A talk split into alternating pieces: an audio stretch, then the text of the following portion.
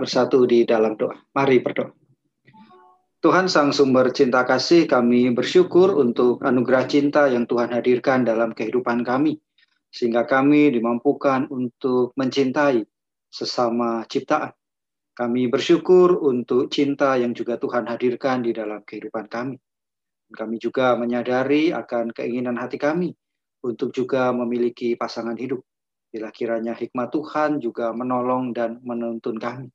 Biarlah kiranya cinta Kristus merengkuh kami sepanjang kami terus bergumul dengan pertanyaan-pertanyaan seputar pasangan hidup yang ada di dalam diri kami.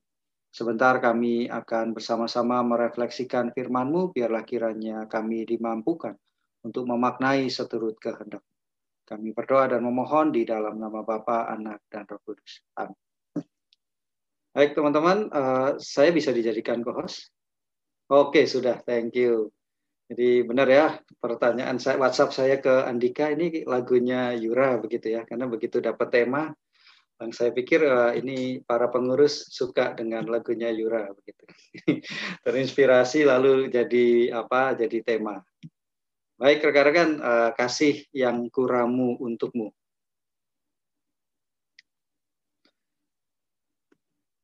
Teman-teman tahu aplikasi ini ada yang pernah coba? Boleh langsung kalau ada yang tahu. Ini aplikasi yang cukup populer. Ini ya sejenis tender gitu ya. Eh, ini adalah OK Cupid. Oh. Jadi, tahu ya. Nah, Andika gini-gini dia tahu nih. Tadi pasang profil jangan-jangan. Oke, baik teman-teman. Nah, ini satu aplikasi yang cukup cukup populer eh nggak tahu juga ya, ya. populer ya. menurut kaca menurut beberapa orang itu populer menurut saya sih cukup populer gitu nah menariknya rekan-rekan kan tadi kita mau membicarakan soal kasih yang kuramu untukmu kita mau ngomongin soal pasangan hidup tadi ada yang menarik ya ditanya saya uh, belum siap untuk sekarang dan sebagainya. Terus kalau ditanya kapan nikah, jawabnya ya kalau saya ditanya ya kalau nggak Sabtu Minggu gitu aja deh. Itu jawaban yang paling enak tuh kalau nggak Sabtu Minggu. kalau masih ada yang maksa begitu kan kapan nikah, tanya balik aja, kamu udah nikah belum? Udah dong. Ya, kok nggak bahagia gitu ya. balik lagi gitu ya. Jangan-jangan itu jawab uh, melukakan.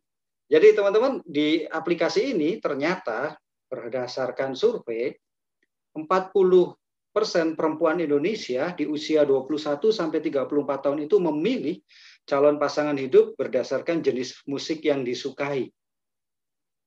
Jadi memilih pasangan hidup berdasarkan jenis musik. Jadi kalau rekan-rekan pengurus ini suka lagunya Yura, nah mungkin pasangannya bisa jadi ya sejenis-sejenis itu. Maksudnya suka dengan musik-musiknya Yura. Ini bagi perempuan ya bagi perempuan dikatakan menurut ini Oke Cupid ini 40% ah, perempuan Indonesia memilih pasangan berdasarkan musik. Jadi lebih simpel lagi definisi soal uh, pasangan hidup begitu ya. Tadi kan ada yang mau menyiapkan diri pinter masak begitu kan saya mau bisa masak, mau bisa mijit, mau bisa apa benerin genteng lah dan sebagainya begitu ya. Nah, tapi ternyata ini so, yang penting uh, selera musiknya sama begitu ya. Nah, cukup cukup unik begitu. Kemarin malam malam ya dua hari lalu atau tiga hari lalu saya putar lagu ya sambil saya kerja. Istri saya bingung. Lagu yang saya putar nggak ada yang dia tahu begitu. Padahal umur kami cuma selisih satu tahun. Saya putar lagu dia nggak ada yang tahu begitu ya. Selera musik kami beda jauh. Nggak tahu saya teman-teman tahu lagu teman-teman di sini tahu ini nggak sih? Tahu lagunya Sahara nggak? Nggak tahu ya nggak ada yang tahu ya uh, aduh nggak ada yang tahu uh, siapa lagi ya. Jadi kalau nggak tahu uh, Andika Andika tahu Sahara nggak tahu. Grassroot tahu nggak? Nggak tahu juga. Uh, uh, sama ya berarti wah ini kayaknya selera musik saya aneh begitu. Jadi saya nggak tahu. Tetapi per 40 persen begitu. Nah yang menarik rekan-rekan saya kemudian coba googling lagi uh, berdasarkan survei dari uh, salah satu Eh, sumber ya CNN Indonesia. CNN Indonesia itu mengatakan bahwa laki-laki, laki-laki Indonesia tentu saja yang disurvei, itu ketika memilih pasangan hidup, mereka melihat fisik. Sebagian besar laki-laki di Indonesia ketika memilih pasangan hidup, mereka melihat fisik.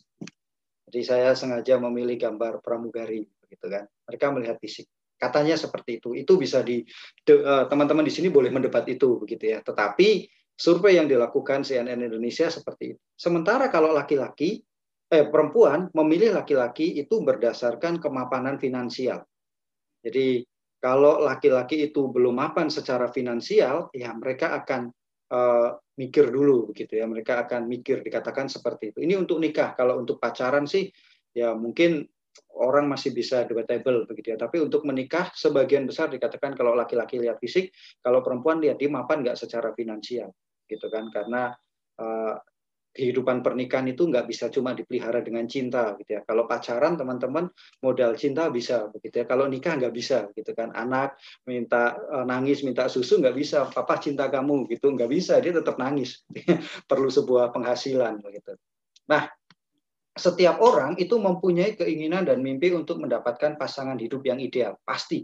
Nggak ada di sini di antara teman-teman yang nggak pengen punya pacar yang atau pasangan yang ideal. Harapannya pasti orang-orang yang ideal gitu. Walaupun nanti di dalam kehidupan pernikahan kita akan bisa melihat uh, ada banyak hal yang uh, apa ya nggak mungkin kita temukan gitu kata orang kalau nyari laki-laki uh, pasangan hidup yang laki-laki uh, yang apa namanya tidak main game, tidak merokok, uh, lalu tidak apa tuh tidak suka begadang, tidak ada katanya begitu ya.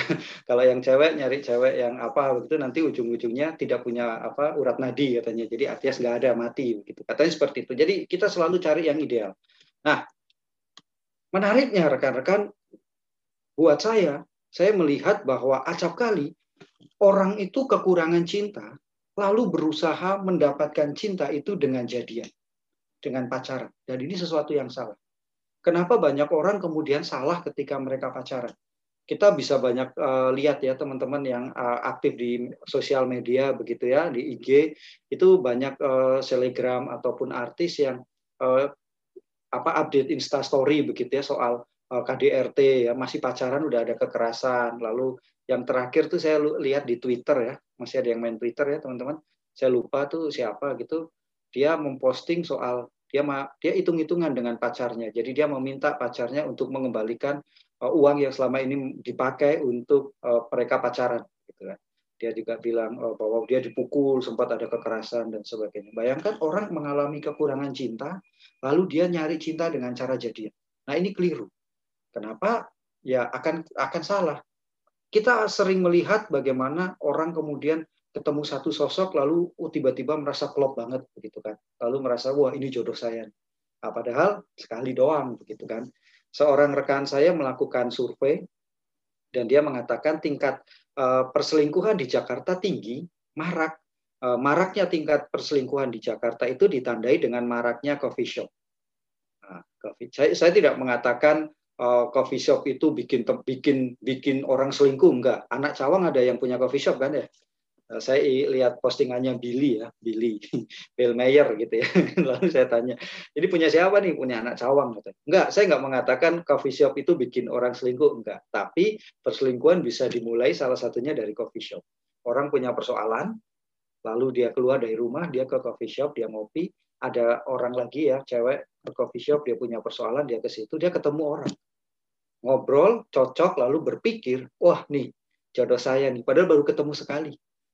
Suami saya nggak ngerti saya, istri saya nggak ngerti saya, gitu kan. Lalu wah, lalu mereka selingkuh. Begitu nikah ya bubar, begitu kan.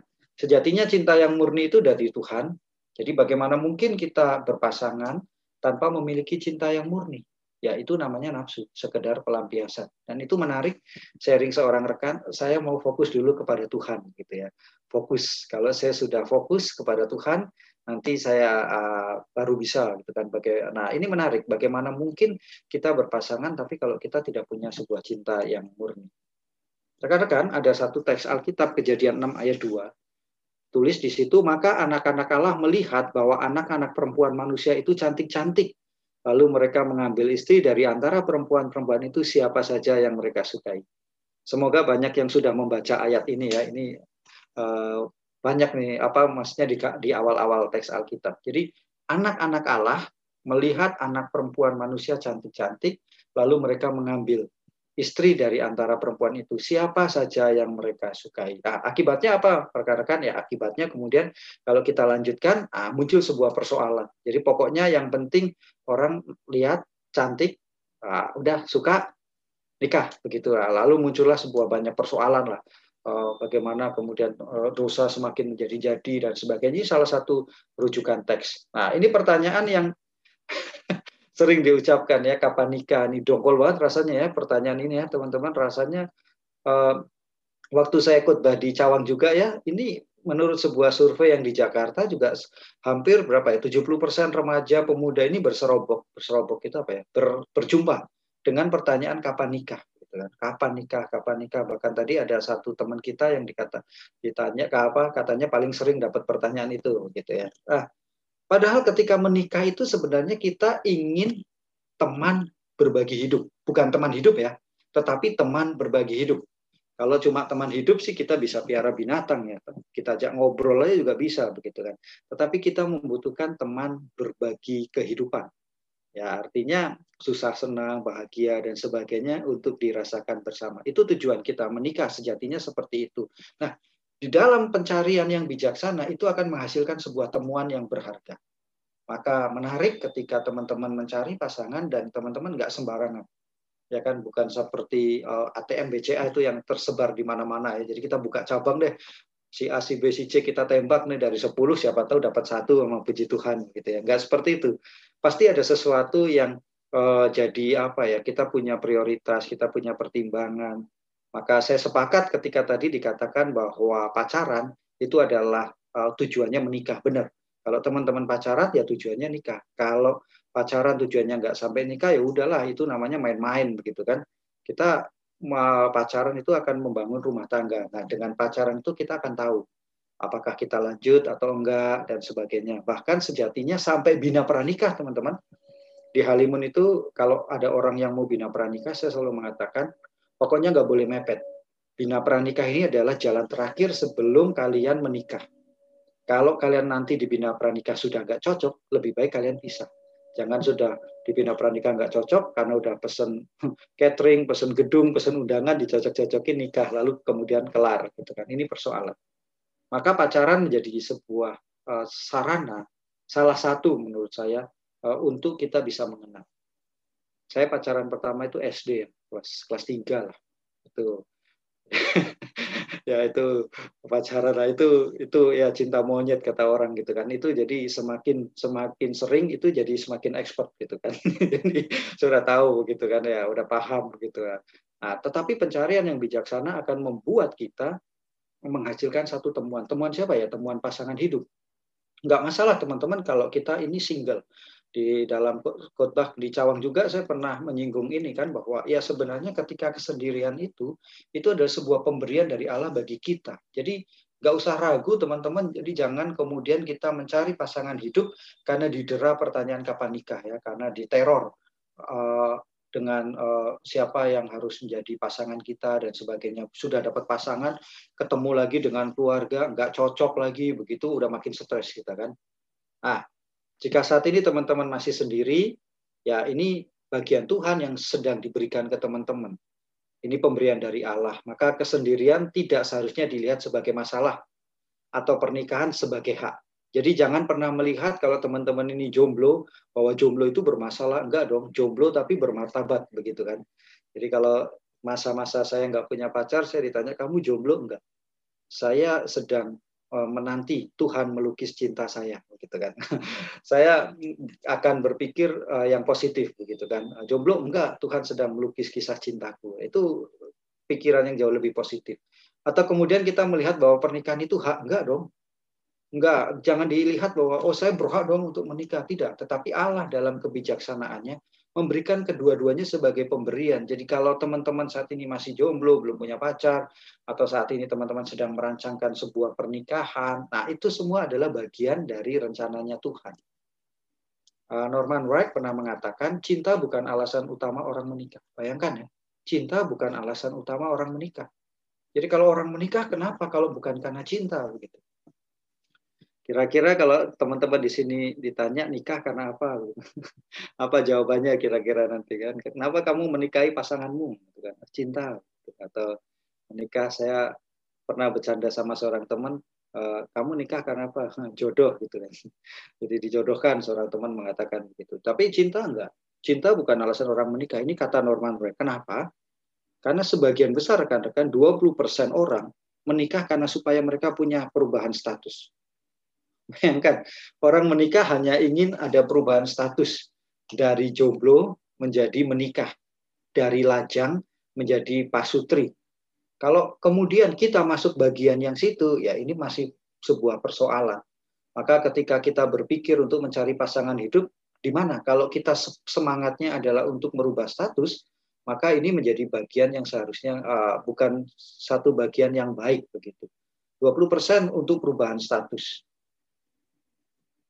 Lalu 30 persen karena tidak bahagia di rumah. Bayangkan dia tidak bahagia dengan kehidupan keluarganya, lalu dia menikah. Dengan menikah berpikir bahwa dia akan memiliki kebahagiaan. Nah, ini keliru. Ada banyak keluarga-keluarga yang hancur ya karena modalnya adalah saya nggak bahagia di rumah. Mama papa saya begini begitu, saya mau keluar dari rumah dan saya mau menikah. Kalau ini yang terjadi maka menjadi sebuah persoalan dari sebuah keluarga yang tidak bahagia, ya belum tentu pernikahan membuat dia tidak bahagia juga, enggak. Tetapi itu menjadi sebuah persoalan ketika menikah menjadi sebuah pelarian. 50% menikah karena tekanan sosial. Karena orang tua yang memilih, menuntut. Jadi saya punya teman yang kalau kami datang ke rumahnya, orang tuanya tuh bikin kami sebel gitu ya. Kalau kami nongkrong duduk, lalu dia akan datang ngobrolnya baik nih lama-lama kemudian duduk minum gitu dia tante ini udah tua nih sudah pengen gendong cucu gitu itu itu itu kalimat yang aduh rasanya menghujam gitu kan jadi anaknya di sebelah langsung udah emosi gitu kan oh marah itu coba bayangkan karena uh, tekanan dari orang tua, tekanan dari uh, lingkungan sekitar, pokoknya kamu harus, kamu itu anak laki-laki satunya, kamu penerus marga, kamu harus segera menikah dan sebagainya. Gitu. Tekanan muncul. Apakah nanti setelah menikah tekanan itu hilang? Enggak belum kalau nggak punya anak, belum punya anak, anaknya nggak laki-laki misalnya, ada banyak tekanan yang terjadi. Maka hati-hati rekan-rekan ketika kita mau menikah, karena pasangan hidup kita bukan permainan Lego yang bisa bongkar pasang, enggak. Pasangan yang sudah dipersatukan di dalam janji nikah itu akan berlaku sampai mau memisahkan. Kecuali nanti teman-teman bisa uh, sepakat, teman-teman bikin uh, apa ya surat keberatan lalu kirim ke pendeta Ishak begitu Kak Ishak, tolong dong diganti janji nikahnya. Aku mencintaimu sampai kebosanan memisahkan. Jadi kalau udah bosan teman-teman bisa pisah, ya kan?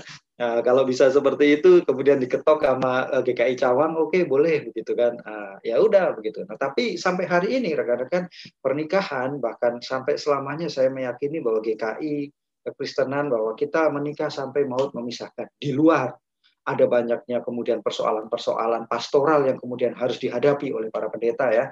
Kasus perceraian dan sebagainya. Tapi prinsipnya adalah ya sampai akhir. Jadi ini bukan lego yang nggak suka ganti nggak suka ganti begitu enggak. Beberapa pasangan yang sedang mengalami kebosanan memilih menyelesaikan hubungan bukan kebosanan jadi bayangkan kalau kalian bosan nih kalian pacaran saya sih pacaran nggak pernah lama ya paling kayak setiap ya selama lamanya tiga tahun tiga tahun aja. Kalau nggak putus nikah kan gitu. Jadi tiga tahun. Jadi uh, pacar sebelum saya menikah saya pacaran dengan istri saya uh, calon istri saya ini tiga tahun. Sebelumnya saya pacaran dengan mantan saya mantan manusia setengah setan. Bukan mantan manis diingatan gitu ya. Tiga tahun. Jadi setelah tiga tahun lalu uh, selesai gitu. Nah persoalannya adalah banyak orang yang ketika muncul sebuah persoalan dengan relasi dia bukannya menyelesaikan masalah itu. Dia bosen nih lalu dia malah menyelesaikan relasi saya bosen dong dengan kamu dan sebagainya. Ya udah kita putus.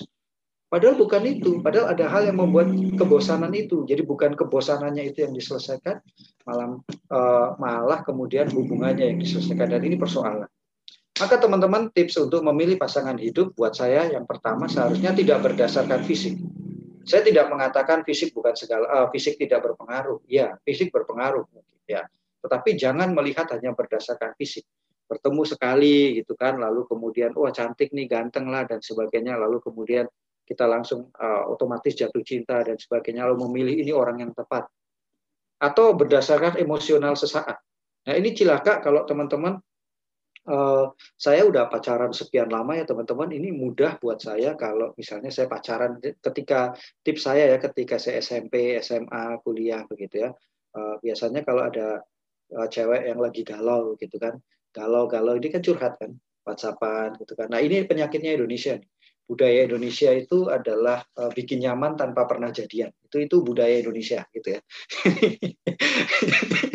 itu budaya kita kan kalau Valentine katanya bukan budaya kita ya itu budaya kita ya itu bikin nyaman ya kan. Uh, jadi apa ya orang itu gampang buat saya ketika ada teman cewek misalnya curhat gitu kan curhat dia begini begini lalu saya masuk saya ngobrol gitu kan PDKT sedikit aja set tembak bisa jadian Kenapa? Karena orang punya emosi sesaat, ya kan?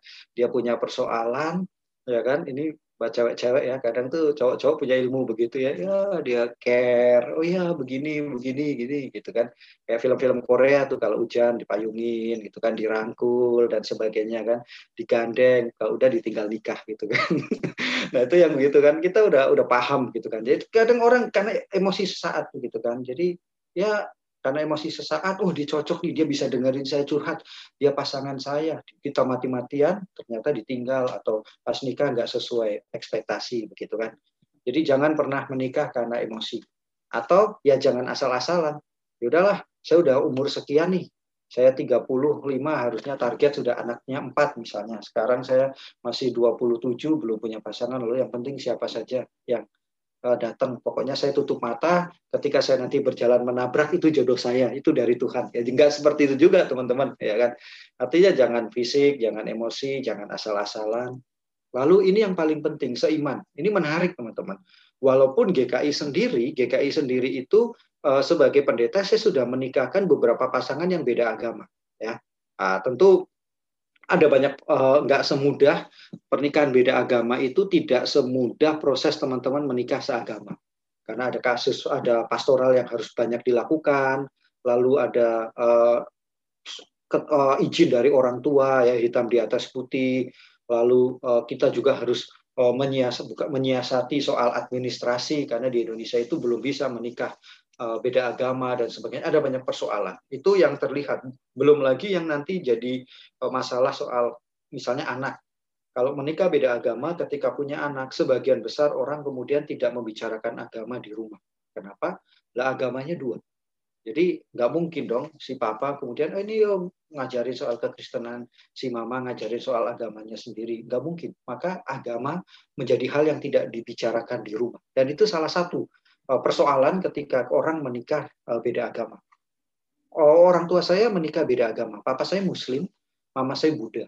Ketika mereka menikah, mereka punya saya dan adik saya, kami tidak dididik agama. Ya udah bodo amat gitu. Yang penting kamu mau ikut siapa? Jumat saya ikut papa saya ke masjid sholat Jumat.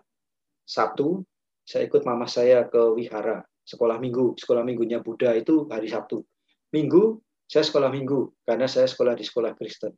Jadi saya ikut nah, pada titik itu sangat siap mati ya. Tuhan saya tiga. Gitu. Masuk mati masuk surga ini di sini kamu masuk sini masuk sini begitu kan. Jadi akhirnya memilih sendiri. Saya memilih. Saya SMP memilih untuk jadi Kristen. Adik saya masih galau. Adik saya SMA. Dia memilih untuk menjadi Muslim. Jadi seperti itu. Bayangkan kalau kita menikah beda agama seperti itu seiman. Maka yang penting adalah salah satunya adalah soal seiman. Nah, 2 Korintus 6 ayat 14 ini menjadi sebuah teks yang sering kali dibicarakan. Janganlah kamu menjadi pasangan yang tidak seimbang dengan orang-orang yang tak percaya. Sebab persamaan apakah terdapat antara kebenaran dan kedurhakaan atau bagaimanakah terang dapat bersatu dengan gelap. Ini selalu teks yang dipakai untuk membombardir orang yang mau pacaran beda agama, nikah beda agama. Nah, bagi saya teman-teman, ini ayat yang nggak tepat begitu ya. Jadi ini sebuah ayat yang ditempel-tempelkan untuk uh, dalam tanda kutip ya, ketika orang menikah beda agama, eh, pacaran beda agama lalu uh, dinasehati untuk putus gitu kan. Janganlah kamu selesai begitu kan. Kenapa? Do di Alkitab ada. Janganlah kamu menjadi pasangan yang tidak seimbang. Bagaimana terang dapat bersatu dengan gelap. Sejatinya teks ini teman-teman nggak bicara soal pernikahan, nggak bicara soal pacaran. 2 Korintus ini bicara soal apa sih? Dikatakan dalam kalimat bahasa Inggrisnya do not become partners. Dalam kalimat bahasa Yunaninya pun sama. Ini dalam konteks apa teman-teman? Rekan tidak menunjuk pada pasangan hidup. Tapi pada masa itu Paulus mengatakan sedang berbicara tentang pasangan dalam pelayanan, bukan pasangan dalam pasangan hidup. Jadi kalau dalam pasangan pelayanan pun harus dicari partner yang tepat, apalagi dalam pasangan hidup. Sebenarnya begitu. Teksnya nggak bicara soal pasangan hidup, tapi dalam partner pelayanan. Sedang menasehatkan, kalau kamu melayani, kamu cari pasangan yang tepat supaya efektif pelayananmu. Tapi teks ini kemudian dikutip bicara soal pasangan hidup. Sejatinya ada tulisan lain yang bicara soal eh, pasangan-pasangan yang jauh lebih tepat. Nah, banyak orang teman-teman memilih pasangan yang salah karena ia memilih ketika keadaan luka. Kalau teman-teman luka, barusan putus ya, maka saya selalu menyarankan bagi teman-teman yang putus, baru saja putus, nggak usah buru-buru jadian, begitu kan. Rehat dulu, berefleksi dulu. Tapi kalau teman-teman uh, sudah jadian sebelum putus itu kurang ajar itu udah siap-siap gitu uh, jadi banyak orang yang kemudian uh, salah memilih pasangan karena ia memilih dalam keadaan luka ada banyak yang kemudian uh, pasangan kalau teman-teman lihat ya ada yang menikah dengan pasangan yang usianya jauh lebih banyak itu kan selisih 20 30 tahun begitu ya uh, sejatinya beberapa penelitian menunjukkan beberapa dari mereka karena mengalami luka. Luka luka-luka yang kemudian uh, dia merindukan. Ketika luka itu dia merindukan sosok ayah dalam kehidupan. Maka dia mencari laki-laki yang seperti ayah, yang bisa menjadi ayah. Maka dia menikah dengan pasangan yang usianya misalnya 30 tahun, 40 tahun di atasnya. Nah, maka ketika kita mau mencari pasangan, ayo kita lihat dulu, jangan memilih dalam keadaan luka. Nah, Efesus ini teman-teman lebih tepat ketika kita mau bicara soal pasangan hidup. Efesus 5 ayat 22 sampai dengan 30 ini Paulus uh, mengajarkan kepada uh, para anggota jemaat ya pada masa itu bahwa ya kalau kalian ini uh, apa namanya mengajar para istri gitu ya istri-istri kalau uh, yakinlah Paulus mengajar bahwa istri itu tunduk sama suami uh, karena suami adalah kepala sama seperti Kristus adalah kepala lalu suami pun harus mengasihi istri sebagaimana Kristus mengasihi jemaat tapi teks ini lagi-lagi disalahartikan. Teks ini kalau dimaknai dengan salah, teks ini sangat patriarkal. Mau mengatakan, hai istri-istri tunduklah kepada suamimu. Karena suami adalah kepala. Gitu. Lalu suami-suami seenak-enaknya, sewenang-wenang. Padahal teks ini mau mengatakan, tunduklah kepada suamimu kalau ia seperti Tuhan. Dalam tanda kutip. Tunduklah kepada suamimu kalau ia seperti Tuhan. Dalam artian kalau ia bisa berkorban, memberikan banyak hal, berkorban, bahkan berkorban seperti Kristus, maka tunduklah. Nah, itu teks dalam uh, Efesus 5 ayat 22 sampai dengan 30. Dengan kata lain, ya suami itu representasinya Allah. Maka dia harus menampilkan sosok seperti itu. Dan istri adalah representasi jemaat. Merupakan umat kumpulan pilihan Allah yang percaya pada Kristus. Nah, teks ini sejatinya lebih cepat, eh, lebih tepat kalau teman-teman nyari pasangan hidup. Maka seiman, ya kan? Seiman itu bukan berarti sama-sama Kristen, enggak dong. Selama ini orang memaknai seiman sama-sama Kristen, enggak juga. Seiman itu enggak sama-sama Kristen. Sama-sama Kristen tidak menjamin iman difokuskan pada Allah. Ya, sama-sama Kristen, tapi fokusnya bisa bukan Tuhan. Fokusnya bisa pekerjaan, fokusnya bisa karir dan sebagainya. Maka bicara seiman yaitu memiliki iman yang difokuskan pada Allah dan firman Itu yang kita cari kalau kita bicara soal pasangan yang seiman. Allah adalah pusat kehidupan, artinya seluruh aspek hidupnya diserahkan pada Allah. Jadi kalau teman-teman saat ini sedang sedang pacaran, lalu bingung memutuskan mau pergi ke tempat A atau ke tempat B, pergi ke pacar atau pergi ke bareng keluarga, lalu pacar teman-teman milih, kamu pilih saya atau pilih keluargamu. Nah itu tinggalin aja deh. Itu sudah menunjukkan ego yang seperti itu ya. Lalu siapa kamu kan? Nah, kamu baru nongol 3-4 tahun lalu, keluarga saya udah puluhan tahun, begitu kan. Nah, itu itu kan menjadi uh, kita bisa lihat begitu kan di dalam di dalam kehidupan. Maka kalau kita lihat ya seluruh aspek kehidupan pasangannya pasangan kita, entah laki-laki, entah perempuan, uh, apa namanya, ketika kalian perempuan punya uh, cowok, ya cewek punya cowok, ya harusnya mereka memusatkan uh, kehidupannya pada anak, termasuk juga kita, gitu kan. Taat pada firman Tuhan, taat ini dalam hak doktrin atau praktek hidup, begitu ya. Bagaimana uh, ketaatan orang-orang persekutuan dilakukan gitu. Ada banyak orang yang ketemu saya berjumpa gitu ya mereka memilih ya di Halimun itu sebelum pandemi kalau kebaktian sore teman-teman jam 5 sore gedung kami yang baru itu di set di bagian bawah itu dibikin kayak coffee shop. Jadi dibikin uh, setting uh, meja-meja kafe kursi-kursi kafe sengaja. Jadi selesai kebaktian nongkrong dapat kopi gratis snack gratis gereja sediakan itu Ah, banyak kaum muda simpatisan yang pada datang dan itu jadi tempat pacaran. Nah, menarik ya. Saya menemukan satu tempat begitu ya. Jadi mereka rumah ya, ada yang dari Kebayoran Baru. Saya bilang gila ya. Emang nggak ada gereja apa di daerah Kebayoran Baru gitu kan. Jadi dia datang begitu kan. Nanti ketemu. Jadi titik temunya apa? Di Halimun. Jadi selesai kebaktian, mereka datang gitu kan. Mereka ngobrol. Itu jadi kayak kafe teman-teman serius berdua berdua yang nggak berdua sih berempat gitu ya ada orang lain. Jadi cowok cewek cowok cewek persis tempat pacaran begitu kan. Dan ya nggak apa-apa lah menurut saya begitu ya. Mereka hemat kan sudah snack dulu di gereja jadi nanti makannya kan murah begitu. Kasih aja McD yang murah dia yang goceng begitu. Nah jadi mereka datang mereka beribadah dulu lalu kemudian baru mereka jalan. Dan ini menarik menurut saya. Ada sebagian besar orang yang memilih ngapain sih Eh, ke gereja. Sebagian pemuda itu kan kalau bikin kebaktian jam nanggung, jam 10. Itu kan orang kadang belum bangun, baru bangun. Berapa banyak yang kemudian setia bisa datang. Atau kalau sore, mereka aduh ngapain sih eh, jalan nanggung nih, lagi nonton, lagi ini. Tetapi sebagian orang memilih untuk taat gitu kan pada praktek hidup. Maka pilihlah yang seperti itu. Lalu yang memiliki kerendahan hati. Ini mah nggak bisa ditawar. Orang mengatakan ya ada yang namanya kecantikan dari dalam gitu ya inner beauty, cantikan dari dalam. Saya sering bilang, ya kecantikan dari dalam, ya dalam dompet begitu ya. Jadi dia bisa membiayai, enggak. Tapi ketika dia memiliki kerendahan hati, ketika dia uh, bisa melakukan banyak hal yang baik, itu akan menjadi uh, sebuah nilai lebih dalam kehidupannya. Dan yang paling utama adalah melibatkan Allah. Kenapa? Manusia penuh keterbatasan. Teman-teman itu enggak tahu Eh, melihat, memahami apa yang tersembunyi dari calon pasangan hidup. Baru-baru ini seorang teman saya, seorang dokter, dia lalu dia memutuskan uh, selesai. Dia mengatakan ternyata pasangannya psycho, gitu kan, seorang yang psycho, gitu kan. Jadi, waduh, dia bilang dia cerita banyak hal. Itu tidak terjadi sebelum dia tunangan. Jadi ketika mereka tunangan, hal-hal yang seperti itu muncul katanya. Saya bilang, ya, Itulah sebabnya kenapa kita perlu melibatkan Tuhan. Karena manusia itu penuh keterbatasan. Kita bisa pura-pura uh, baik begitu kan.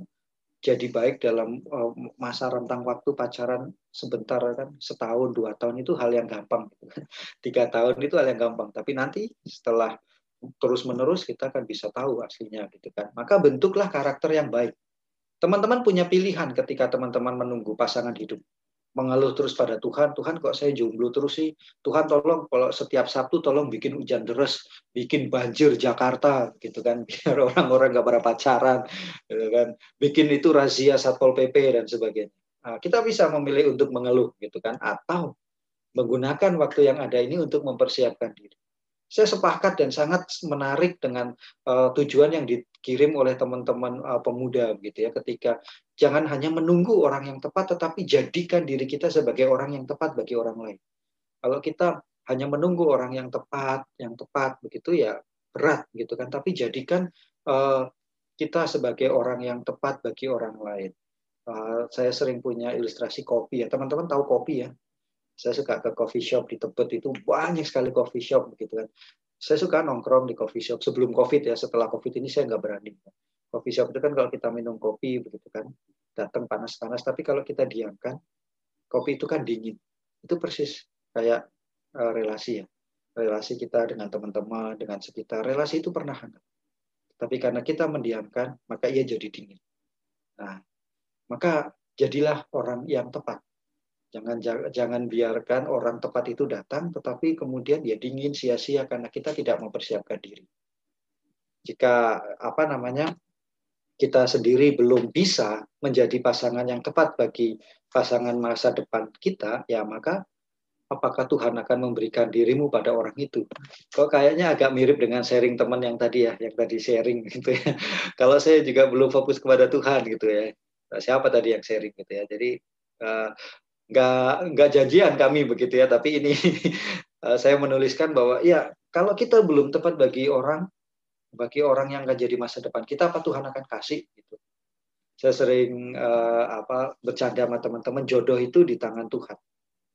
Ya kan? Jodoh itu ada di tangan Tuhan Tuhan sudah atur Tuhan kasih yang tepat gitu kan. Uh, tapi apakah kemudian kita juga tepat bagi orang itu? Kalau belum ya Tuhan belum kasih gitu kan. Jodoh itu sudah ada yang ngatur. Kalau kita belum jodoh, ya kita susah diatur. Ya, sesimpel itu kata kata saya gitu kan. Tapi yang menarik teman-teman, ayo Tuhan ingin agar dua orang yang tepat menjadi satu, bukan seorang yang tepat dengan seorang yang tidak tepat. Nah, jadi Tuhan ingin dua orang yang tepat, bukan hanya satu orang yang tepat dengan seorang yang tidak tepat.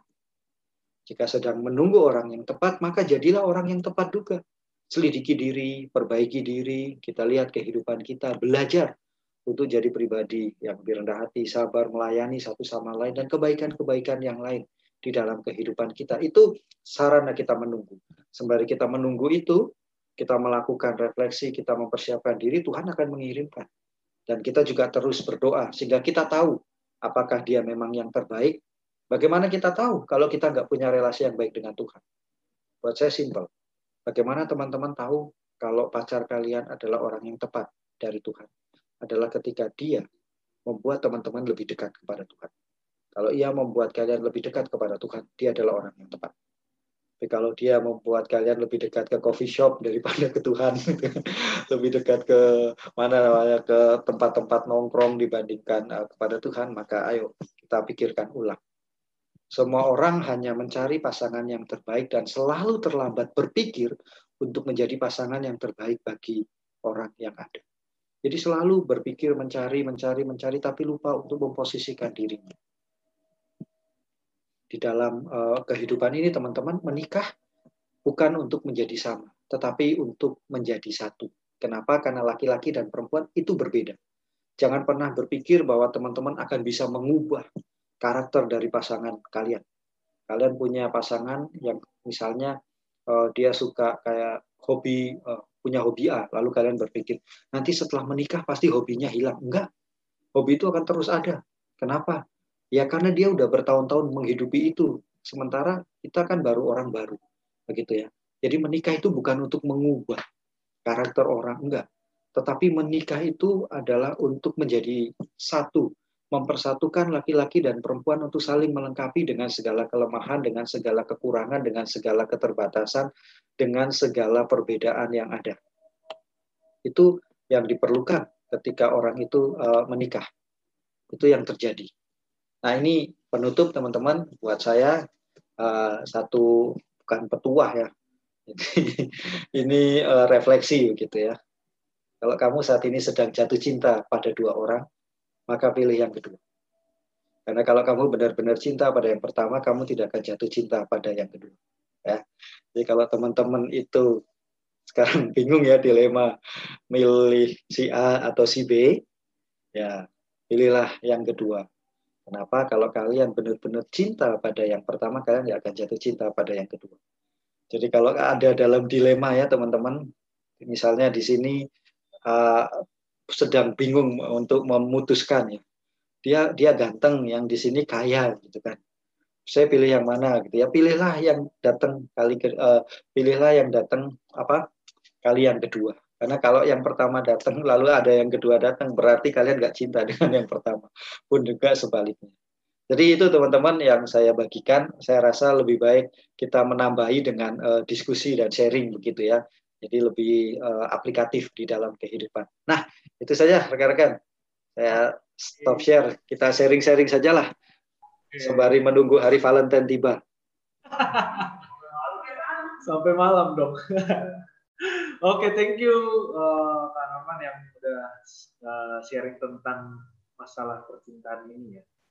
Uh, menarik sih bagaimana tips-tipsnya kita harus menunggu masa-masa uh, menunggu mempersiapkan diri dan uh, beberapa tips dari uh, Kak Norman sendiri bagaimana melihat pasangan uh, bukan hanya dari fisik, bukan dari karena terburu-buru, bukan karena dari uh, emosi sesaat. Nah, itu eh, kadang kita mengabaikan hal itu sih karena udah merasa oke okay, ya udah ya udah deh pasangin aja deh kayaknya udah. Mungkin ada teman-teman dari teman-teman semua yang mau bertanya seputar penantian masa penantiannya atau bagaimana nih kak? Umurku sudah segini. Aku udah gini. Gimana nih kak? Aku mau mempersiapkan. Misalnya aku mau mempersiapkan tapi aku nggak nggak lagi nggak pengen nyari juga. Tapi targetku menikah ada. Nah mungkin ada putar-putar pertanyaan gitu buat teman-teman persilahkan biasanya sih karisma nih. Karisma banyak banget. Benar Risma Risma go Risma. Tanya semua Risma. Nggak ada nggak ada. Udah clear. Udah clear ya. Jadi udah pertanyaannya udah terjawab semua. Udah kadang kita tahu jawabannya kadang uh, cuman pura-pura nggak tahu. Biasanya gitu sih. Iya yeah, yeah. berarti udah siap ya. Oke teman-teman yang lain ada yang mau ditanyakan atau di masa-masa yang lagi kuliah kak aku kan mau fokus kuliah itu gimana nyarinya nah, seperti itu di mana saya harus mencari nah itu kan apakah di perpus perpustakaan. Eh nggak boleh. di perpus nggak boleh berisik. Kan biasa ya. Itu seperti tadi yang pertama yang Kak Norman bagikan menurut, menurut aku ya teman-teman tuh banyak yang menggunakan aplikasi-aplikasi seperti itu. Nah, ya udah daripada nggak nanya, aku nanya. Fotonya lo ya dulu ya. Iya. Jadi bagaimana tuh Kak Norman dengan or dengan dunia zaman sekarang dengan adanya aplikasi-aplikasi seperti itu, apakah itu yang mempermudah kita atau malah bisa jadi bumerang buat kita nantinya, Kak? Oh, pasang profil juga ya? enggak, enggak. Ini ini menarik teman-teman. Jauh sebelum sebelum ada aplikasi itu ya, saya masih ingat saya teman-teman kelahiran tahun berapa ya? Saya kelahiran tahun 84 ya. Jadi saya 84. Uh, ketika saya remaja dulu ya, tahun berapa? Tahun 90-an lah ya. Tahun 90-an itu saya sering ikut ada namanya persekutuan muda klasis begitu ya. Jadi sebelum ada take me out, take him out itu klasis bikin tuh. Klasis di tempat saya, klasis Magelang itu bikin. Jadi kami itu selalu menunggu persekutuan klasis karena apa? Karena itu adalah ajang kami cari jodoh. Itu kan. Jadi kita akan mana pada masa itu tuh belum ada BBM belum ada kita itu cuma handphone jadul gitu ya handphone handphone lama gitu ya Nokia Siemens gitu kan uh, jadi yang terjadi apa? Kalau kita datang kenal gitu kan kita nggak nggak bisa foto. Apa handphonenya belum ada fotonya kan? Belum ada kameranya. Kita cuma tukar-tukaran nomor handphone dan jadi tiap malam itu rutin tuh biasa ya kalau uh, pemuda remaja Kristen tuh kirimin ayat-ayat Alkitab tuh kalau malam gitu kan. Oh ntar kita ini yang intens bales itu target gitu kan. Jadi wah ini cocok kayaknya gitu kan. Lalu masuklah ke aplikasi-aplikasi yang sekarang. Menurut saya nggak ada persoalan dengan aplikasi seperti itu ada anggota jemaat saya yang juga menemukan eh, pasangan hidup lewat tadi oke okay, Cupid itu nah, jadi nah tetapi yang menjadi persoalan adalah kemudian jangan sampai uh, emosi membuat kita buta Ya bayangkan ya kita udah pasang nih, udah pasang iklan gitu kan, terus di DM DM gitu kan. Ada juga kan yang rajin gitu kan eh, DM kita dan sebagainya kan. Lama-lama kita kan kepo juga dilihat nah, oh profilnya cocok nih mirip mirip mirip gitu kan. Padahal itu kan semua bisa disetting. Maka hikmat kita yang ah hikmat dari Tuhan yang perlu. Apakah itu mempermudah? Buat saya jodoh itu bisa datang dari mana saja kok. Lo kita bisa kok ketemu tabrakan sama orang gitu kan. Lalu dia bisa jadi jodoh kita nikah bisa aja gitu kan. Ya bukan sinetron ini ya, tapi kan ada banyak hal gitu ya yang uh, bisa terjadi begitu kan. Dulu saya dapat istri saya gitu kan, uh, ketika saya praktek begitu kan, uh, ketika lagi praktek dan sebagainya, ada banyak cara lah uh, Tuhan kasih begitu. Nah, apakah aplikasi itu mempermudah? Iya, jelas mempermudah. Tapi tentu dia punya resiko, ya kan? Bisa jadi orang itu nggak jujur, ada banyak hal yang bisa dimanipulasi. Maka hal yang penting adalah perjumpaan pertama maka agak riskan kalau ke kemudian sudah kontak-kontak lalu jumpa pertama di tempat-tempat yang sepi begitu kan eh, memilih tempat-tempat yang nggak familiar eh, apalagi di luar kota yang kita jauh gitu kita nggak paham itu bahaya gitu kan. Nah, maka buat saya kalau ditanya apakah itu banyak manfaat, ya dia banyak manfaat. Tapi kalau kita tidak hati-hati itu banyak mudaratnya, ya kan. Jadi uh, lebih baik ketika melakukan itu nggak ada masalah. Tapi ketika kita misalnya tetap muka dan sebagainya, nah feeling biasanya feeling kita itu nggak akan pernah bohong deh teman-teman. Jadi kalau kita punya feeling ya, feeling yang terasah gitu ya, kita tahu ini kayaknya ada sesuatu yang aneh nih dia kayaknya enggak dan sebagainya. Biasanya kita akan akan bisa itu. Yang penting jangan dikuasai emosi karena kalau dikuasai emosi kan begitu melihat pertama langsung uh, jatuh cinta ya repot gitu kan first love gitu kan. Waduh cinta pada pandangan pertama ini berat begitu kan rasanya nanti jadi susah nggak masuk logika. Itu sih kalau menurut saya. Oke, sip. Thank you, Kak Norman. Ada lagi yang mau bertanya? Oke. Mau dong. Eh, oh, Kesha dulu. Iya, dulu. Kamu Mustika dulu, kamu Mustika, kamu Mustika. Oh, kamu Mustika, kamu Mustika dulu. Oke, oke, silakan. Jangan berebut lah. Lakukan lah, Kak, rambut muka.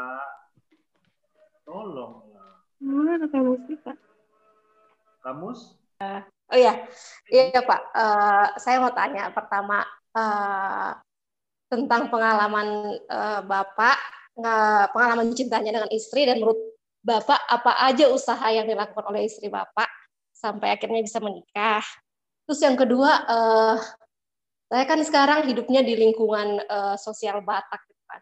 Everywhere uh, ditanyain kapan nikah, kapan nikah gitu. Kalau sekali dua kali kan uh, kita masih bisa nyantai dijawabnya, tapi kalau sampai misalnya beberapa kali itu apa ya?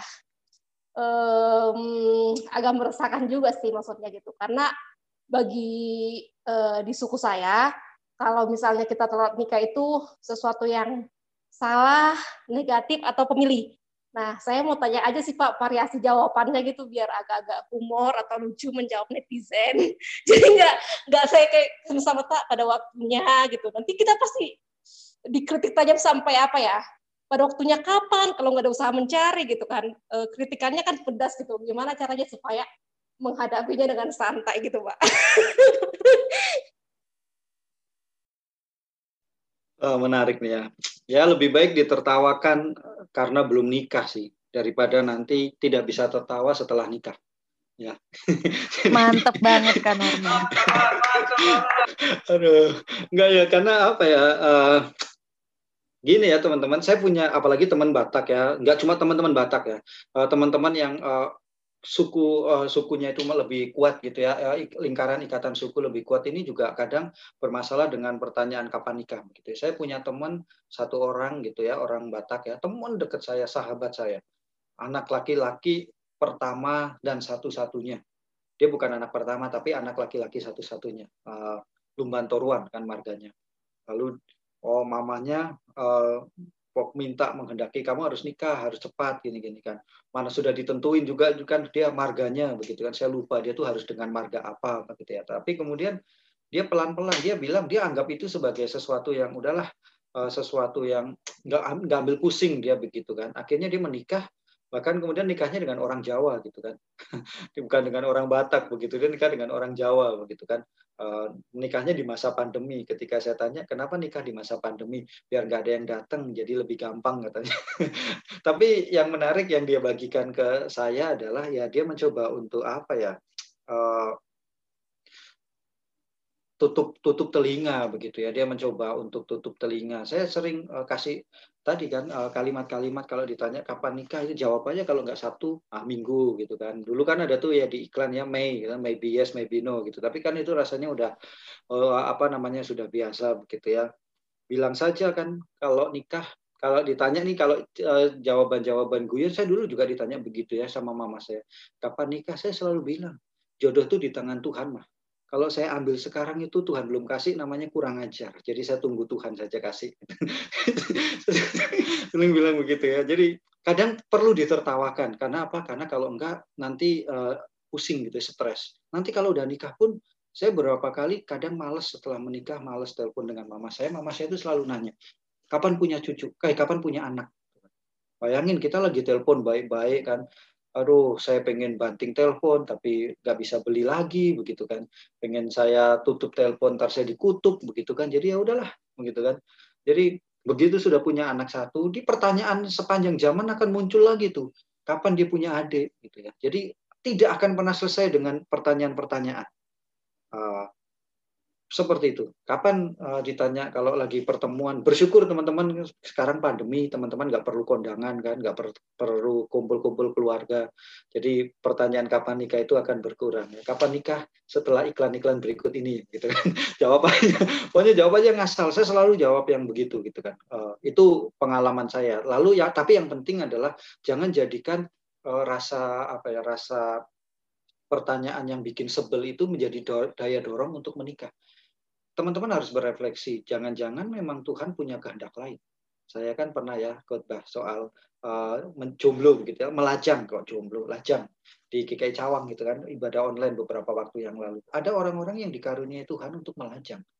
Maka carilah itu jawaban dari Tuhan. Kalau Tuhan karuniakan itu, karunia untuk melajang ya sampai kapan pun ya ya kita nggak akan berjodoh gitu kan kita nggak akan menikah maka ada orang maka keluarga juga perlu juga untuk diberi sebuah pemahaman bahwa ya ada juga uh, karunia-karunia seperti itu mereka perlu dijelaskan.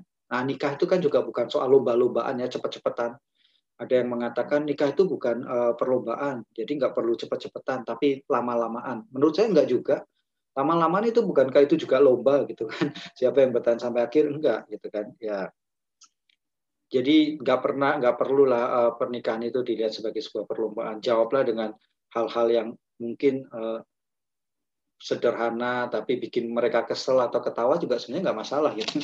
Kapan kamu nikah? Nggak nikah. Saya itu hidup dengan uh, berkembang biak dengan membelah diri misalnya.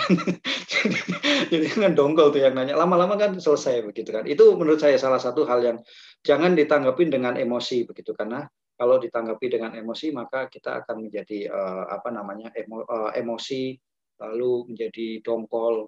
Ya pertanyaan saya yang sering saya jawab paling tajam ketika ditanya keluarga kapan kamu nikah? Saya tanya kamu berani kasih amplop berapa? Saya selesai. Begitu tuh begitu. Saya kurang ajar memang. Itu langsung diem begitu kan. Nah itu. Lalu pertanyaan tadi apa sih yang dilakukan istri? Menurut saya apa yang dilakukan istri saya banyak ya. Uh, teman-teman yang ketemu saya setelah saya menikah merasakan ada banyak eh, perubahan karakter ya. Dalam artian nggak selalu selalu gitu ya. Ada banyak hal yang berubah di dalam uh, kehidupan gitu kan setelah saya menikah. Lalu apa yang dilakukan ya? Ada banyak sebenarnya. Dulu kami pacaran itu LDR gitu ya. Dia di Bekasi saya di Jogja. Kami pacaran tiga tahun ketemu tuh setahun sekali setahun sekali bayangin teman-teman ketemu setahun sekali. Nah kok kunci LDR yang kunci LDR itu ya kalau ditanya sekarang kunci LDR apa? Kunci LDR putus gitu. Ya nggak? Jadi kunci LDR-nya ya kita saling percaya gitu kan trust gitu kan. Uh, kita saling trust. Jadi ada banyak yang dilakukan ya. Misalnya uh, karena saya pendeta begitu kan berarti uh, ada jenjang karir yang uh, nantinya nggak akan bisa isi saya uh, ambil misalnya ketika dia jadi nggak mungkin jadi PNS karena PNS kan bisa ditempatkan di mana saja misalnya. Itu sebuah pengorbanan. Jadi ketika sebelum kami menikah uh, kami berdiskusi. Jadi nggak cuma uh, mikirin yang lain-lain kami berdiskusi memikirkan kemungkinan-kemungkinan. Berarti kalau saya jadi pendeta dia bisa berarti nggak jadi PNS takut nanti harus penempatan di mana. Ketika saya jadi pendeta menikah dengan dia saya memilih untuk tidak menjadi pendeta tentara saya memilih jadi pendeta jemaat. Kenapa? Karena pendeta tentara saya bisa ditempatkan di tempat yang jauh dan sebagainya. Itu diskusi. Lalu bagaimana kemudian kalau kami tidak punya anak? Ya kan kami sampai diskusi bagaimana kalau kami dinyatakan salah satu dinyatakan uh, apa namanya mandul gitu kan. Nah, kami sudah diskusi. Nah, diskusi-diskusi itu yang kemudian uh, membuat uh, semakin mantap walaupun setelah nikah juga ada banyak persoalan gitu kan ada banyak hal-hal yang terjadi begitu tapi ya ya itulah itu bumbu gitu kan kata orang seperti itu. Itu sih uh, rekan siapa? Mustika ya tadi ya? Iya, Kak. Kasih. Lumayan humor juga. Kenapa? Kenapa? Lumayan humoris juga jawabannya. Terima kasih. Oke, tadi lanjut siapa yang mau nanya? Uh, saya Pak. Oke. Silakan. Uh, apa uh, saya mau nanya aja sih Pak, misalnya um, tadi sebenarnya udah nyinggung-nyinggung Mustika juga pertanyaannya Kak Mustika kayak gimana sih ketika kita misalnya ada mungkin ya ada teman-teman di sini yang udah uh, punya pacar gitu ya kayak uh, gimana sih kita tahu kalau misalnya kayaknya ini dia nih uh, pasangan hidup kita gitu ya. Eh pasangan berbagi hidup kita ya kan. Uh, atau justru sebaliknya Pak kayak misalnya kayak hal-hal fundamental apa sih yang kayak harus kita cermati gitu saat kita pacaran uh, yaitu hal-hal apa? Misalnya karena banyak nih yang mungkin karena udah kelamaan pacaran jadinya mengabaikan hal-hal fundamental itu gitu. Uh, jadi kayak ya udahlah udah lama ini misalnya kayak udah lebih dari 12 tahun ya kan uh, sayang lagi kalau misalnya mulai pacaran lagi gitu. Nah maksudnya kayak kapan kita uh, bisa mencermati ini kayaknya kita harus stop hubungan ini nih gitu. Atau misalnya kayak ya udah masih bisa lanjut gitu itu sih pak palingan oke Wah itu yang 12 tahun udah dapat rumah tuh KPR tuh. Iya. Ini menarik ya pertanyaan kapan sih kita lanjut atau enggak. Jadi uh, kalau istri saya waktu itu ya, istri saya kan uh, sebelum pacaran dengan saya juga pacaran juga begitu ya. Kita ini uh, setelah pacaran ber, berulang kali dengan beberapa orang itu akhirnya kami bertemu. Kalau istri saya memutus, dia putus begini. Ketika dia pacaran waktu itu beda agama. Lalu ketika uh, dalam diskusi dengan mantan pacarnya dia bilang bahwa ya uh, nikah akan secara Kristen gitu. Jadi oke okay, pasangannya sepakat maka mereka pacaran dan memperjuangkan itu. Tapi uh, tiba di satu titik uh, pacar uh, mantan pacarnya mengatakan kita sendiri-sendiri. Uh, apa namanya uh, nikahnya nanti uh, atau agamanya sendiri-sendiri awalnya mau ikut Kristen lalu sendiri-sendiri. Lalu dalam perjalanannya mantan pacarnya mengajak si, uh, calon istri saya ini uh, istri saya ini calon sudah sudah nikah istri saya ini untuk ikut agamanya dia. Nah itu kemudian dia putus. Padahal rentang waktunya udah cukup lama pacaran. Itu salah satu uh, tanda begitu ya. Jadi ada hal-hal prinsip yang yang bisa. Kalau agama rasanya mungkin gampang ya bagi teman-teman. Uh, ya udahlah kalau keluarga uh, minta seperti ini saya harus Kristen dan sebagainya ya kita putus bisa. Tapi hal-hal lain lagi ya tadi saya bilang uh, misalnya kayak karakter atau beberapa yang kita rasa kalau kita akan lanjutkan di dalam pernikahan berat. Ya lebih baik selesai. Itu sebabnya kenapa ketika pacaran itu perlu ada diskusi. Kalau teman-teman nih misalnya dalam pacaran lalu bicarain soal nanti punya anak. Kalau yang pasangan kita sepakat, oh, saya nggak mau punya anak sementara kita pengen punya anak, ya nggak usah diterusin. Itu nggak akan nggak akan nggak akan apa nggak akan ketemu jawaban kecuali nanti setelah nikah ya, uh, walaupun nanti uh, ketika mau menikah itu jawaban punya anak berapanya nggak sama ya ya tetap tetap dilanjut. Yang suami pengen anaknya dua yang uh, si istri pengen anaknya sebelas misalnya gitu ya nggak ketemu nggak apa-apa gitu. Tapi sama-sama kan pengen punya anak. Nanti kalau udah punya anak pertama kan dia akan mikir juga kan waduh gila ya punya anak pertama berat banget gitu. Boleh nggak sih dititipin di omnya? Misalnya gitu kan. Ah yang buat saya sih hal-hal yang seperti itu ya. Hal-hal soal uh, prinsip-prinsip lalu sebenarnya karakter teman-teman. Kalau misalnya uh, teman kalian pacar kalian itu sudah melakukan KDRT buat saya udahlah nggak usah dilanjutin. Itu nggak akan sembuh jadi jangan mengatakan oh cinta akan membuat dia uh, sembuh. Ya seribu satu sih buat saya begitu kan. Itu seribu satu teman-teman. Ntar bukannya teman-teman membangun rumah tangga, teman-teman membangun rumah duka. Nanti isinya nangis mulu gitu kan. Nangis mulu tiap hari begitu kan. Wah, lebih baik begitu.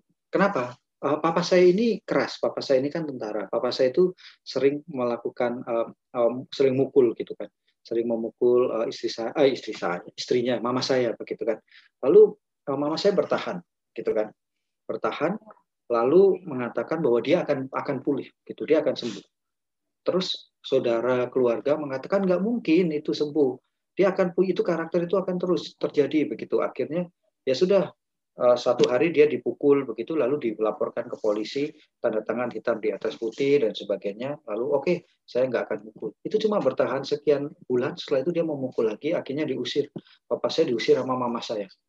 Diusir dari rumah. Jadi mereka nggak nggak cerai ya mereka pisah. Pisah ranjang pisah rumah. Saya ketemu papa saya pertama kali itu kelas 4 SD jadi ada orang datang kan saya panggil om om cari siapa om gitu kan mama kamu ada ada gitu tetangga saya saya dijitak sama tetangga om om itu bapak kamu katanya saya nggak kenal gitu kan karena pas papa mama pas saya um, hamil saya mama saya hamil saya papa saya diusir sama mama saya karena KDRT Nah, apakah kemudian uh, kasus kekerasan itu uh, selesai atau berkurang? Berkurang karena dipisah. Papa saya nggak boleh masuk ke rumah. Jadi walaupun saya sudah punya, uh, dia punya anak, uh, punya anak saya, punya adik saya, gitu kan ada adik saya, kami pisah rumah, beda rumah, kami pisah rumah. Dari situ uh, sampai akhirnya papa saya meninggal ya. Kenapa? Karena nggak bisa ber, nggak bisa berhenti KDRT itu. Karakter itu susah banget untuk di stop begitu. Nah, jadi kalau teman-teman apa sih yang membuat saya harus putus? Lihatlah karakter-karakter. Ada banyak karakter yang nggak bisa berubah teman-teman perlu ke psikolog juga. Misalnya nggak nggak nggak salah sih. Dalam kehidupan pernikahan saya dengan istri saya kami beberapa kali ke psikolog juga. Kami uh, diskusi soal kehidupan kami kehidupan sebagai suami istri sebagai orang tua dan sebagainya. Kalau dirasa misalnya ini pacar saya ini sukanya ini nyopet nih padahal dia ke, nggak kekurangan misalnya dia klepo misalnya yang gitu-gitu kan. Kalau nggak sanggup misalnya nggak bisa ya udah putus. Menurut saya begitu ada hal-hal seperti itu. Dan yang teman-teman perlu cermati deh, ya kan hal-hal kalau semakin kita dekat dengan seseorang kita kan semakin paham, ya kan karakter dia, dia tukang bohong nih, dia tukang bohong gini-gini, yaitu sampai nanti dia akan terus begitu. Nah siap nggak? Kalau kita ngerasa sayanya saya nggak siap nih nanti dalam kehidupan pernikahan ya udah selesai. Gitu sih kalau dari saya pengalaman saya ya. Saya berdasarkan pengalaman aja ya teman-teman. Nanti mungkin kalau ketemu orang lain, pendeta lain, mungkin sharingnya akan beda bisa jadi. Ini berdasarkan pengalaman saya semata. Terima kasih Pak Nurman. Sama-sama. Oke, ada lagi? Aku, aku. Selin, Selin, Selin. Uh, ini sebenarnya uh, lebih ke kepo aja ya Kak Norman, karena tadi udah sempat disinggung. Um, Kak Norman pernah berapa kali uh, memberkati pernikahan yang beda. Uh, Sebenarnya ini sih aku pernah bahas di saat teduhnya pemuda Cawang beberapa bulan lalu atau bulan keluarga bulan apa ya bulan Oktober deh kayaknya ya. Um, karena uh, sebelum saat teduh hari itu aku bahas itu ada uh, kejadian yang lumayan apa ya kayak viral gitu uh, aku sih tahunya dari Facebook. Jadi salah satu teman GKI Summer Camp aku ada yang share itu tentang salah satu pendeta GKI di Bandung yang memberkati pernikahan yang beda terus akhirnya jadi kontroversi gitu. Dan aku pada saat itu baru tahu kalau ternyata oh di GKI boleh ya melakukan pemberkatan beda. Karena setahu aku tadinya nggak boleh. Terus um, kayaknya karena memang belum pernah kejadian di Cawang juga jadi aku nggak tahu sampai detik itu gitu. Nah aku lebih kayak kepo sih maksudnya kenapa akhirnya pendeta bisa melakukan pemberkatan pernikahan yang beda agama? Walaupun uh, dengan dibolehkan kayak gitu bukan berarti itu akan jadi alasan pembenaran kita kayak oh berarti gue boleh dong nih pacaran sama yang beda boleh sama yang Islam, boleh sama yang mana gitu. Karena toh nanti juga akan bisa diberkati kok di gereja. Gitu, gitu sih kak, pertanyaanku lebih lebih ke arah situ. Kenapa akhirnya boleh diberkatin gitu? Kalau memang dari awal memang dididiknya mungkin mulai dari remaja atau remaja gitu. Cari pasangan yang seiman. Ya kalau udah beda agama udah jelas bukan seiman dong. Imannya aja bukan kepada Kristus gitu kan kak gitu. Jadi aku lebih pengen tahu aja kenapa akhirnya bisa diberkatin gitu. Oh, ya. Nah, ini menarik nih, ini pertanyaan yang menarik ya. Saya beberapa waktu lalu sharing juga soal materi khusus ya soal uh, nikah beda agama begitu ya. Uh, ada teks Alkitabnya yang uh, bukan merujuk kepada pernikahan tapi menunjukkan misalnya di Korintus sendiri, di Korintus itu terjadi pernikahan beda agama. Ya, di Korintus uh, ada pernikahan beda agama, kemudian di surat 1 Petrus sehingga dikatakan di situ uh, kalau suami-suamimu uh, suami uh, istri-istri memenangkan hati suaminya begitu kan. Dikatakan jadi teksnya begini uh, kurang lebih mengatakan bahwa di dalam ke, kehidupan berjemaat di Korintus karena begitu uh, kota metropolitan ada banyak persilangan budaya lalu orang-orang menikah dengan uh, orang yang berbeda agama gitu kan sebelum kekristenan masuk. Maka ketika kekristenan masuk kekristenan ada Rasul Paulus mengatakan jangan bercerai Walaupun kamu sudah menikah beda agama sebelum kamu mengikuti Kristus, jangan bercerai. tetaplah jadi uh, pengikut Kristus supaya pasanganmu dimenangkan oleh dirimu, begitu kan? Nah, pun demikian uh, itu dasar yang kemudian di, digunakan, begitu ya, salah satunya oleh GKI, begitu ya, pernikahan yang terjadi. Lalu uh, di surat Petrus satu Petrus dikatakan juga justru orang-orang yang Kristen ini ketika dia hidup dia menunjukkan kasih Kristus dia akan memenangkan jiwa begitu kan? Nah, itu itu teks Alkitabnya begitu ya. Jadi dengan menikah orang bisa memenangkan jiwa. Itu uh, jiwa dari teks Alkitab yang kemudian menjadi dasar. Tapi ya, tapi tapi di dalam pelaksanaannya teman-teman saya selalu menekankan pernikahan beda agama itu adalah pernikahan yang paling terakhir. Dalam artian disetujui diokein oleh kami lah istilahnya ya. Jadi pokoknya tata gereja itu mengatakan yang menikah itu laki-laki dan perempuan ya. Selama laki-laki dan perempuan dia mau agamanya apa, mau ateis, mau apa tetap bisa diberkati karena tata gereja GKI hanya laki-laki dan perempuan. Sama-sama Kristen kalau misalnya laki-laki dan laki-laki yang nggak diberkati gitu. Kita belum bisa gitu kan. Nah, lalu berarti kan akan memunculkan pemikiran orang bisa menikah dengan beda agama. Walaupun dari kecil misalnya dari remaja ditampilkan harus seiman seiman. Tadi ya pertanyaannya seperti itu ya. Uh, kecenderungan itu akan bisa muncul itu tapi ada tapinya. Orang sering kali uh, tidak melihat ada banyak kasus pastoral yang dilakukan sebelum melakukan pernikahan beda agama. Ada beberapa pasangan yang datang dan kami melakukan pastoral lalu mereka akhirnya menyerah. Menyerah untuk tidak menikah menyerah untuk tidak menikah dan putus gitu ya. Karena kami menjelaskan. Jadi di katekisasi Halimun disampaikan juga soal materi pernikahan beda agama. Jadi kita sampaikan tata gereja boleh nih. Tapi kita punya tapi. Ini sederet persoalannya. Yang pertama itu persoalan hukum. Pernikahan beda agama. Itu tidak akan mendapatkan surat catatan sipil jadi nanti di catatan sipil ditolak pasti. Karena apa? Karena untuk hukum Indonesia, undang-undang itu nggak mau nggak bisa. Nah, kalau kamu bisa dapat surat catatan sipil, kamu pasti melakukan yang kedua, suap. Kami bilang gitu ya. Kita nggak akan pokoknya kita mengeluarkan ijazah pemberkatan ya. Tapi catatan sipil tidak akan mengeluarkan itu. Jadi pikir dulu sebelum menikah. Nah, lalu kami ketika mau melakukan itu kami juga minta tanda tangan dari orang tua. Persetujuan bahwa di pernikahan diberkati secara Kristen.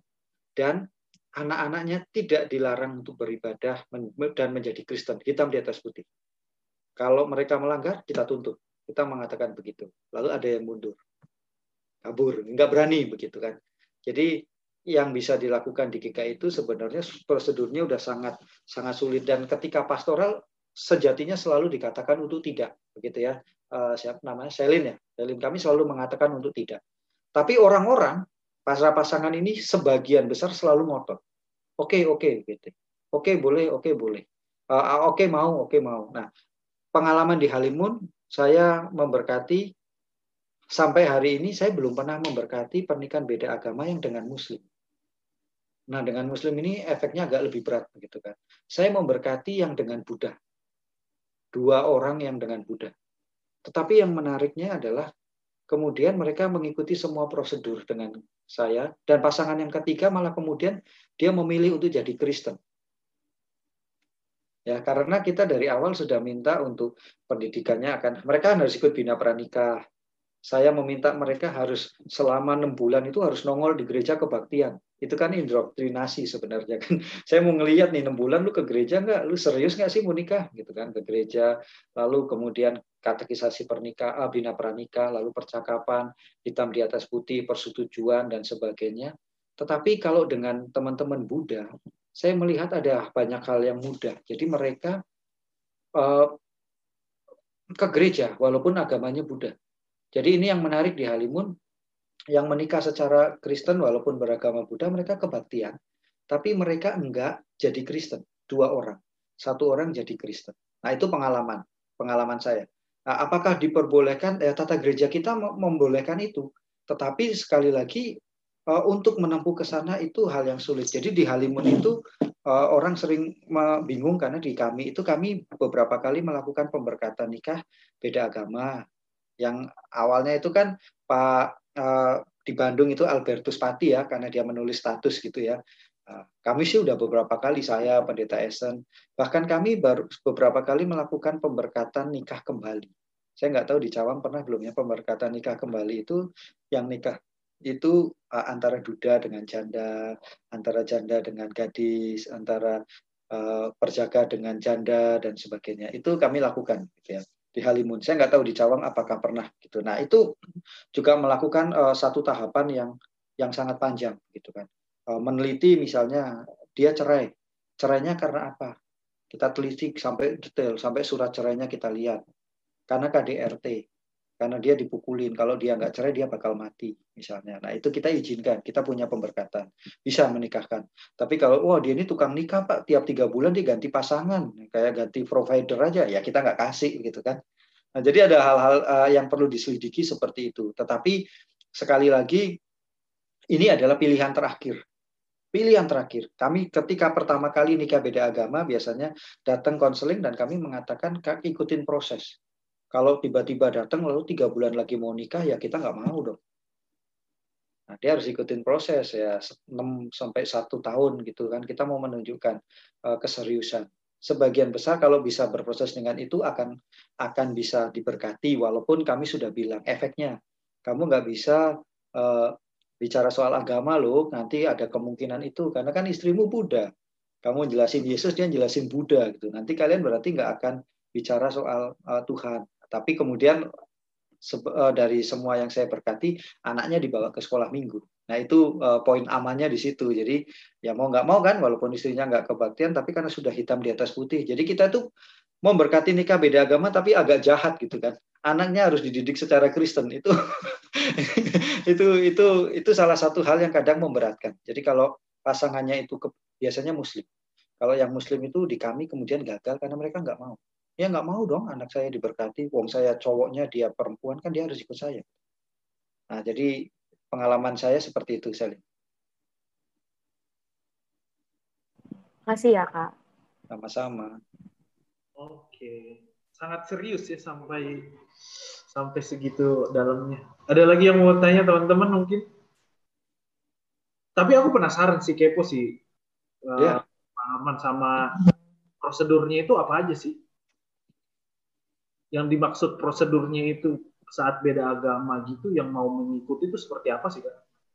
Prosedur.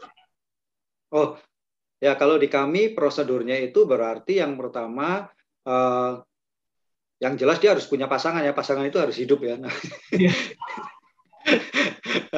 yang jelas dia harus uh, datang dia kan ngomong begitu ya.